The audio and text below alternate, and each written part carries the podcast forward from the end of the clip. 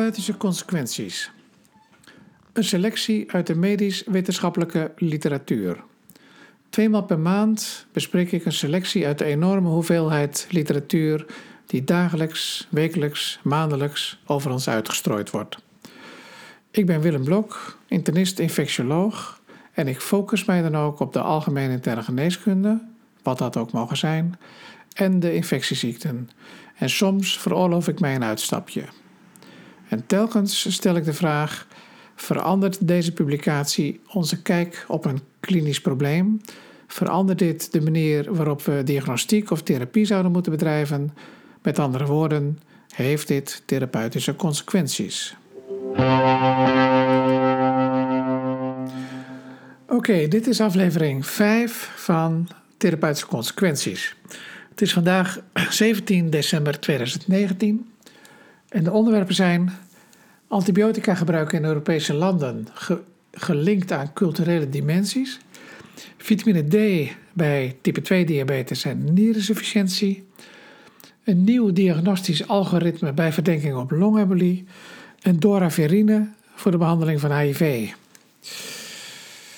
Antibiotica gebruik gecorreleerd aan culturele dimensies per land.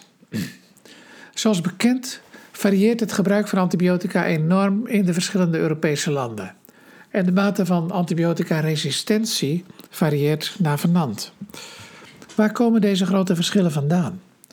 Waarom zijn artsen in Noordwest-Europa zoveel terughoudender met het voorschrijven van antibiotica dan in Zuid- en Oost-Europa? Waarbij we moeten aantekenen dat Zuid-Europa in dit opzicht al bij de Belgische grens begint. In dit artikel in the Journal of Antimicrobial Chemotherapy heeft men gedracht, getracht deze vraag te beantwoorden met behulp van openbaar toegankelijke bronnen. In de eerste plaats de antibiotica-consumptie. En dan heeft men met name gekeken naar de zogenaamde breed spectrum antibiotica index. Dus de verhouding tussen het voorschrijven van breed spectrum en small spectrum antibiotica in de afzonderlijke landen van de Europese Unie en de Europese economische ruimte. Deze gegevens kun je allemaal vinden op de website van de ECDC, het European Center for Disease Prevention and Control. Daarnaast hebben ze gekeken naar hoe landen scoren op de zogenaamde Hofstede-dimensies, ontwikkeld door de Nederlandse organisatie psycholoog Geert Hofstede dit is een cultuurmodel um, dat gebruik maakt van een aantal door hem in kaart gebrachte dimensies. Dat zijn kenmerken die een cultuur in meerdere of mindere mate bezit en aan de hand waarvan culturen met elkaar vergeleken kunnen worden. Voorbeelden van dergelijke dimensies zijn machtsafstand, dus de relatieve waardering van maatschappelijke ongelijkheid en hiërarchie. Latijns-Amerikaanse en Arabische landen scoren hier heel hoog, België vrij hoog, Nederland en Zweden laag. Een andere dimensie is bijvoorbeeld individualisme en ook masculiniteit. De mate van masculiniteit of femininiteit geeft aan in hoeverre waarde wordt gehecht aan traditioneel mannelijke of vrouwelijke kwaliteiten. En voor dit onderzoek is van belang onzekerheidsvermijding de mate van onzekerheidsvermijding door regelgeving, formele procedures en rituelen. Hoe hoger de score, hoe meer men geneigd zal zijn om berekenend te werk te gaan in het internationale zaken doen, bijvoorbeeld. Dat heeft te maken met de angst voor het onzekere en dus voor alles wat anders is. Hoogscorende landen hebben de neiging om alles onder controle te willen hebben, waar laagscorende landen een natuurlijke kalmte te lijken te hebben en alles op zich af laten komen. Mediterrane landen, Japan, België scoren daar hoog, Nederland en Duitsland scoren middelmatig en Engeland scoort laag. In dit onderzoek vonden de auteurs een sterke correlatie tussen enerzijds de breed spectrum antibiotica index in een land en de mate van, anderzijds, de mate van onzekerheidsvermijding. Overigens leek er ook een correlatie te zijn tussen de breed spectrum antibiotica index en de mate waarin er volgens de Wereldbank in een bepaald land corruptie heerst. Kun je ook allemaal vinden op het internet. Maar deze correlatie bleek na multivariate regressieanalyse niet significant. Wat mij betreft wel een interessante bevinding, maar ook niet echt verbazingwekkend. Waarschijnlijk wordt ons handelen in veel grotere mate bepaald door de cultuur waarin we werken dan we ons realiseren. Ongetwijfeld is een belangrijke determinant de mate waarin wij als artsen bereid zijn om met onzekerheid om te gaan en de mate waarin wij onze patiënten bereid vinden om ons daarin te volgen. Het lijkt me interessant om die Hofstede-dimensies ook eens los te laten op bijvoorbeeld de hoeveelheid aanvullende diagnostiek die we doen. Therapeutische consequenties. Moeten we eerst een hele cultuurverandering bewerkstelligen voordat ons antibiotica voorschrijfbeleid verandert? Dan kunnen we nog lang wachten, vrees ik. Vooral stug doorgaan met ons restrictieve antibiotica-beleid lijkt me. Veel internationale congressen bezoeken en trots ons antibiotica-beleid uitdragen. Vitamine D en of visolie suppletie bij diabetes mellitus type 2 en chronische nierinsufficiëntie. Opnieuw een interventiestudie met vitamine D. In een substudie van de grote VITAL-studie.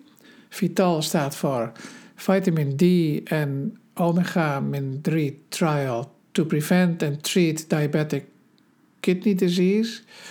Hebben de onderzoekers gekeken naar het effect van vitamine D en of visolie suppletie op de nierfunctie en op albuminurie bij type 2 diabetes. Net als bij de grotere Vital-studie kregen de patiënten vitamine D plus visolie, alleen vitamine D plus placebo, alleen visolie plus placebo of alleen twee placebo's. En dat in een zogenaamde 2 keer 2 factorial design. Er waren 1312 deelnemers en na twee jaar en na vijf jaar werden de nierfunctie en de albuminurie geëvalueerd. De uitgangs-EGFR was gemiddeld 83 ml per minuut. En in vijf jaar tijd daalde de EGFR naar gemiddeld 73 ml per minuut. Een behoorlijke daling. Deelnemers die vitamine D en of visolie geslikt hadden, deden het in dit opzicht niets beter dan de controlegroepen. Ook albuminurie nam in alle groepen in gelijke mate toe tijdens die vijf jaar follow-up. Met andere woorden, weer een goed opgezette, placebo-gecontroleerde studie van voldoende power, die geen effect laat zien van vitamine D-suppletie op zo'n belangrijke uitkomstparameter als de nierfunctie bij deze groep type 2 diabetes. Opmerkelijk blijft het natuurlijk dat de afgelopen jaren veel observationeel onderzoek associaties heeft gesuggereerd tussen vitamine D-deficiëntie en toegenomen risico op hypertensie, diabetes, cardiovasculaire ziekten, auto-immuunaandoeningen en kanker. En dat heeft ertoe geleid dat we bij veel meer patiënten vitamine D bepalen en dat de normaalwaarden zijn opgetrokken en dat er steeds meer mensen vitamine D slikken. Deze en andere gerandomiseerde trials tonen maar weer eens aan hoezeer associatie en causaliteit uiteen kunnen lopen. Er lijkt dus iets heel anders aan de hand te zijn. Misschien hebben mensen met een risico op ziekte ook een risico op een verlaagd vitamine D, waardoor dan ook.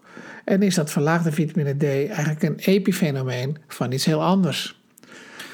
Overigens in deze studie leek uh, de subgroep met een fors verlaagde vitamine D-spiegel, 20 of lager, qua achteruitgang van de neerfunctie weer wel baat te hebben bij vitamine D-suppletie. Maar dit verschil was dan weer niet statistisch significant. Het was ook maar een vrij kleine groep. Wellicht toch een goed idee om dat in een aparte trial nog eens extra te onderzoeken. Therapeutische consequenties. Terughoudendheid met vitamine D-suppletie lijkt me op zijn plaats. En wellicht alleen reserveren voor die type 2 diabetes die een echte vitamine D-deficiëntie hebben. En het lijkt wel alsof ik een kruistocht tegen vitamine D-suppletie aan het voeren ben. Dat is niet zo hoor. Maar onzinnige vitamine D-suppletie moeten we vermijden, lijkt me. En misschien gaat het adagium baat het niet, schaadt het niet, hier toch niet helemaal op. ook diagnostisch algoritme te gebruiken bij verdenking op een longembolie. In de New England Journal of Medicine van 28 november jongsleden opnieuw een onderzoek waarin een modificatie van het bekende diagnostische algoritme bij de verdenking longembolie getest is. In deze Canadese Pulmonary Embolism Graduated D-Dimer studie, afgekort PGET, gaan de onderzoekers uit van de aloude Wells-score, waarbij ze voor de patiënten met een lagere Wells-score een hogere dedimer afkapwaarde hanteren, namelijk 1000 in plaats van 500. In ons ziekenhuis 1 in plaats van 0,5. De gedachte achter deze studie en achter eerdere vergelijkbare studies is dat we met het huidige algoritme eigenlijk te vaak een CT-longembolie aanvragen met alle mogelijke nadelige kanten daarvan. Stralenbelasting, mogelijke contrastovergevoeligheid, maar wat mij betreft vooral kosten. In de laatste versie van het acute boekje van de NIV 2017 ziet het er als volgt uit. Bij verdenking longembolie bepalen we de Wells-score. Bij een Wells-score van 4 of minder, dedimer bepalen en in de dedimer Indien de dedimer onder de 500, geen longembolie, geen CT. Indien de dedimer meer dan 500, CT om longembolie uit te sluiten. Bij een welscore van 4,5 of hoger, altijd CT. Wat is de welscore ook alweer? Klinische tekenen van trombosebeen, dat geeft 3 punten. Longembolie waarschijnlijker dan alternatieve diagnose, geeft ook 3 punten. Hartfrequentie hoger dan 100 per minuut, 1,5 punt. Immobilisatie, minstens 3 dagen.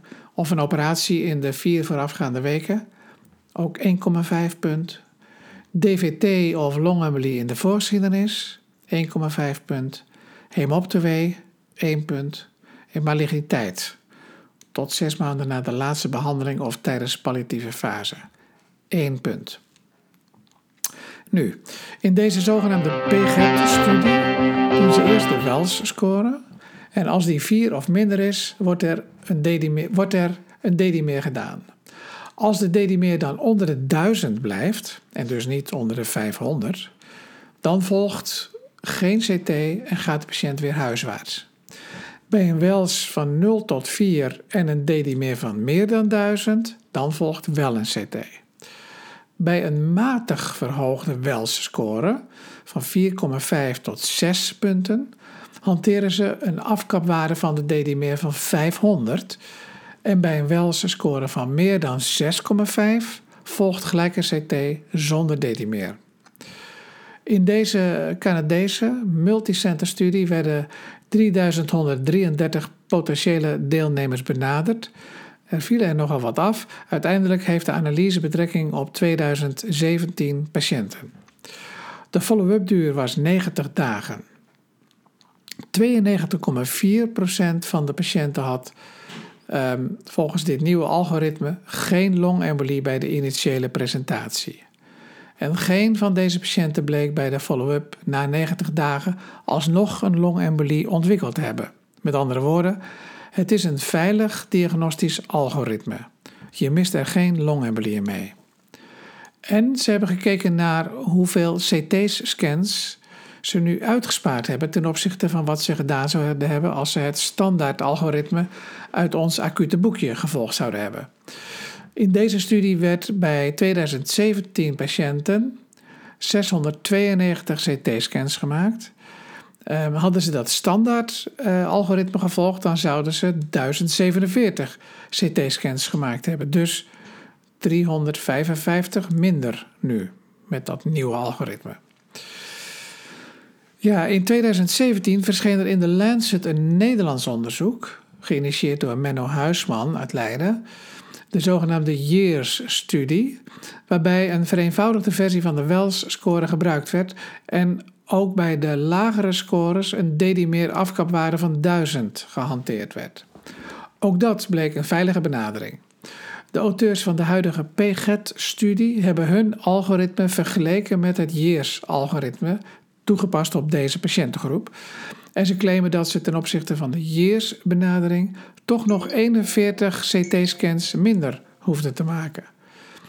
Eerder is in Nederland ook al gekeken of het uitmaakt of je een leeftijdsafhankelijke afkapwaarde voor het DD-meer hanteert.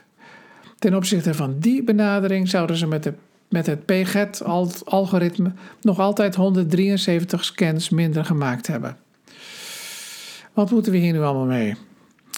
Tja, richtlijnen lopen natuurlijk altijd achter bij de ontwikkelingen in de wetenschap. En die vasculair geneeskundige jongens en meisjes zitten nu eenmaal niet stil.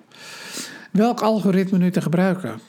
En daarbij, de Wells-score gebruikt, net als de ingekorte Years-score, het item longembolie waarschijnlijker dan alternatieve diagnose. Dat telt mee voor drie punten. En dat blijft natuurlijk toch een tamelijk subjectieve inschatting van de dokter. Kortom, al die algoritmes ontslaan ons niet van de plicht om te blijven nadenken en vooral goed te luisteren naar het verhaal van de patiënt. En dat het onderhand eens tijd wordt voor een revisie van de richtlijn, dat lijkt me wel duidelijk.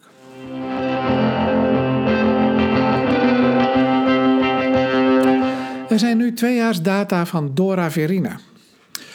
Voor de behandeling van HIV hebben we inmiddels de beschikking over een enorm arsenaal aan goede middelen. Waarom blijft de ontwikkeling van nieuwe middelen dan steeds maar doorgaan, kun je je afvragen. Nou, in de eerste plaats is het natuurlijk een aantrekkelijke markt voor de farmaceutische industrie. Vooralsnog zijn HIV-patiënten veroordeeld tot het levenslang slikken van medicijnen. Tegelijkertijd stelt dat levenslange gebruik ook hoge eisen aan het bijwerkingenprofiel van deze middelen. De nieuwe non-nucleoside reverse transcriptase remmer, NNRTI zeggen wij HIV-behandelaren, doravirine, is sinds juli van dit jaar ook in Nederland beschikbaar. In de Lancet HIV van november jongsleden worden de tweejaarsdata van dit middel gerapporteerd. Het betreft een internationaal, dubbelblind gerandomiseerd multicenter onderzoek. 125 ziekenhuizen in 15 landen deden mee en werd gesponsord door de fabrikant van Doravirine. 769 therapie-naïeve patiënten werden gerandomiseerd tussen doravirine of de proteaseremmer darunavir, geboost met uh, ritonavir. Uiteraard daarnaast een RT-backbone, zoals we dat noemen, meestal Truvada. Er waren relatief veel deelnemers met een uitgangsvaroloot van meer dan 100.000 kopies en vrij veel met een laag CD4-getal bij aanvang. Met andere woorden, vrij veel late presenters. Helaas slechts 15% vrouwen in deze studie. Na 96 weken hadden 73% van de met doraverine behandelde patiënten een ondetecteerbare varolood tegen 66% van de darunavir groep. Volgens een intention to treat analyse uh, was dit bekeken. Doraverine was dus niet inferieur, zoals dat heet. Overigens valt op dat deze resultaten in absolute zin niet zo geweldig zijn.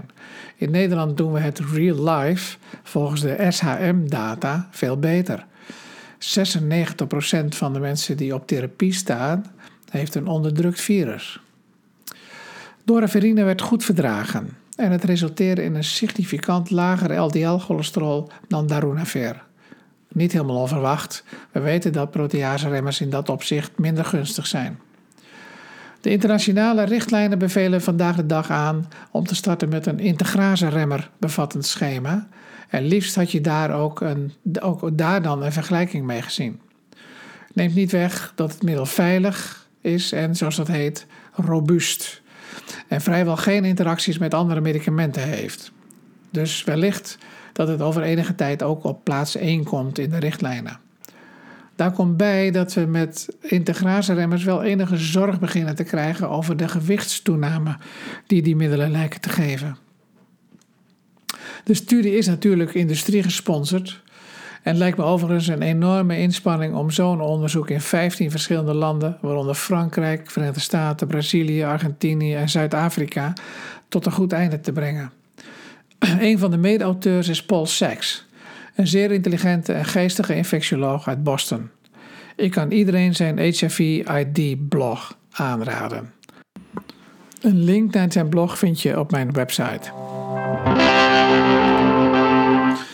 Dit was een eh, kleine greep uit de literatuur. Voor referenties ga naar www.therapeutischeconsequenties.nl Thank you.